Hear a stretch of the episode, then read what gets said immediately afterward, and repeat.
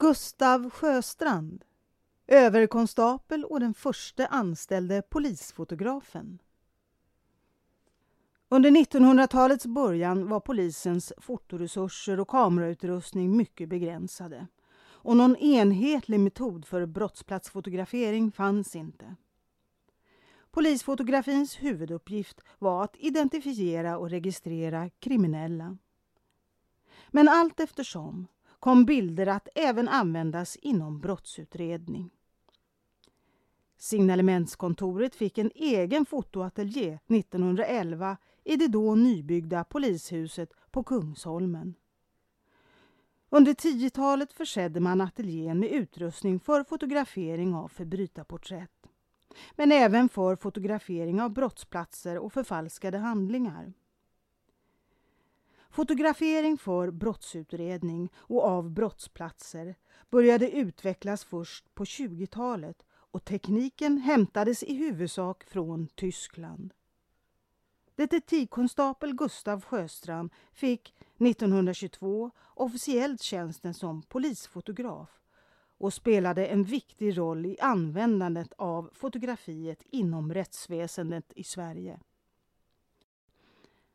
Gustav Sjöstrand föddes i Jönköpings län 1876 och dog i Stockholm 1950. Han utbildade sig först till underofficer, gick en handelsskola och utbildade sig även till fotograf. 1902 sökte han till polisen och anställdes till en början som extra konstapel. Han blev ordinarie konstapel i Katarina 1903. Åtta år senare, 1911, blev han detektivkonstapel och mellan 1921 och 1936 var han anställd vid Stockholmspolisen. Där blir Gustav Sjöstrand överkonstapel och kriminalfotograf 1922. Sjöstrand var polisens första anställda fotograf och var knuten till Centralbyrån för fingeravtryck. Sjöstrand gjorde många studieresor utomlands till polisfotoateljéer, mässor och kongresser. Särskilt till Tyskland, Dresden, Berlin och München men också till Köpenhamn och London. Han skrev reserapporter om den utländska polisens nya metoder och utrustning inom fotografin. I Dresden, som ansågs ha extra hög kompetens, guidades Sjöstrand runt i fotoateljén och försågs med ett fotografi därifrån. Sjöstrand var imponerad och skrev i rapporten Här finns kameror av olika slag och storlekar avsedda för olika ändamål. Detsamma var förhållanden med stativen.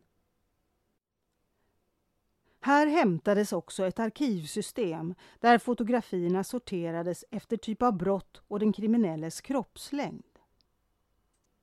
Rapporterna överlämnades sen till Stockholms polismästare.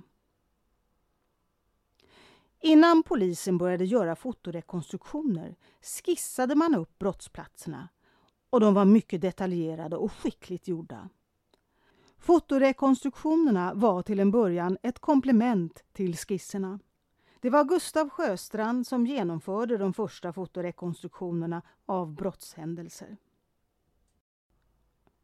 Sjöstrand utvecklade brottsplatsfotografin och såg även till att brottsoffer började fotograferas och att bilderna användes inom rättsväsendet. Första gången man använde brottsplatsfoton vid en rättegång var år 1922. Det var med Gustav Sjöstrands bilder från ett misstänkt mordfall, nämligen mordet på Vilma Ringström. Vilma Ringström förlovade sig 1920 med Ernst Johansson. De flyttade då till hans villa i Älvsjö.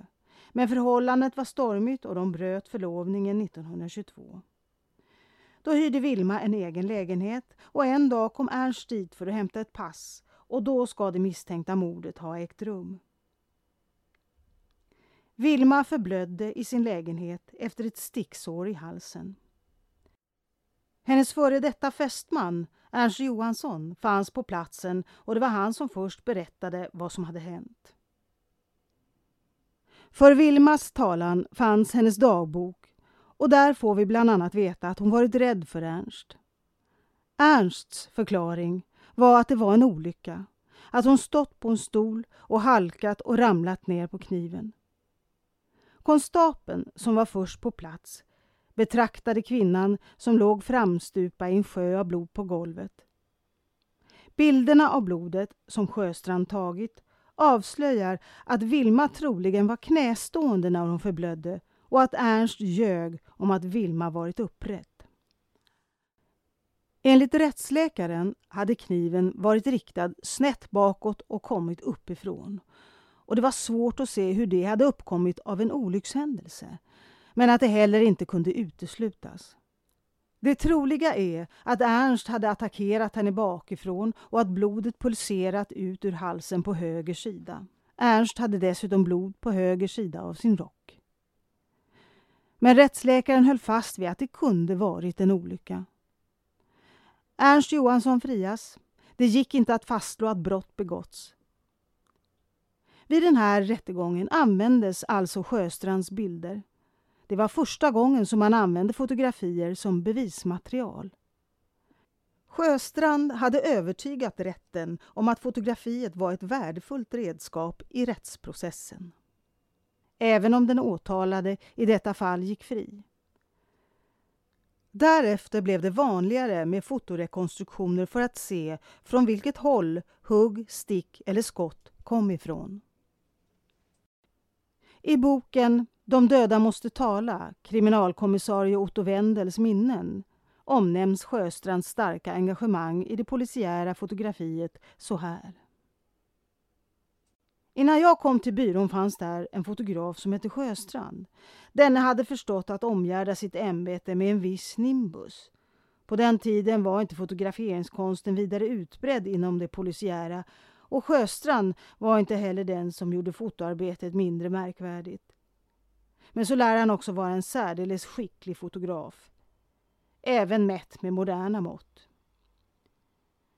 När Sjöstrand fann att det var dags att tillverka framkallning och fixering stängde han helt enkelt fotoateljén. Inget arbete, hur brådskande och viktigt det än var, togs emot. Och alla fann sig märkligt nog i det. Medan Sjöstrand, likt en alkemist från forna dagar, stod och rörde i sina mixturer.